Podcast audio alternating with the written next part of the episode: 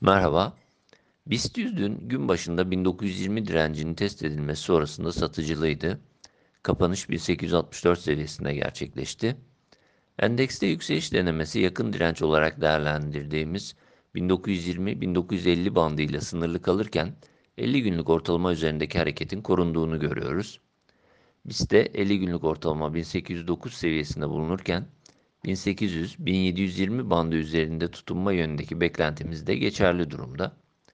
Bu paralelde son yorumumuzda da belirttiğimiz gibi 1720-2000 bandı içerisindeki hareketi konsolidasyon süreci olarak değerlendirmeye devam ediyoruz. BIST saatlik periyot için 1950-2000 bandı üzeri yeni iyimserlik bölgesi olarak düşünülebilir. Bandın üzerine geri dönüş durumunda ancak kısa periyot için belirgin olumlu teknik görünüm belirtiyor olacağız. Bu bölgeye kadar oluşabilecek hareketler sınırlı ve olağan tepki olarak görülmeli. Endekste 1720 altına inmesi durumu ise yeni bir zayıflama süreci olarak düşünülmeli.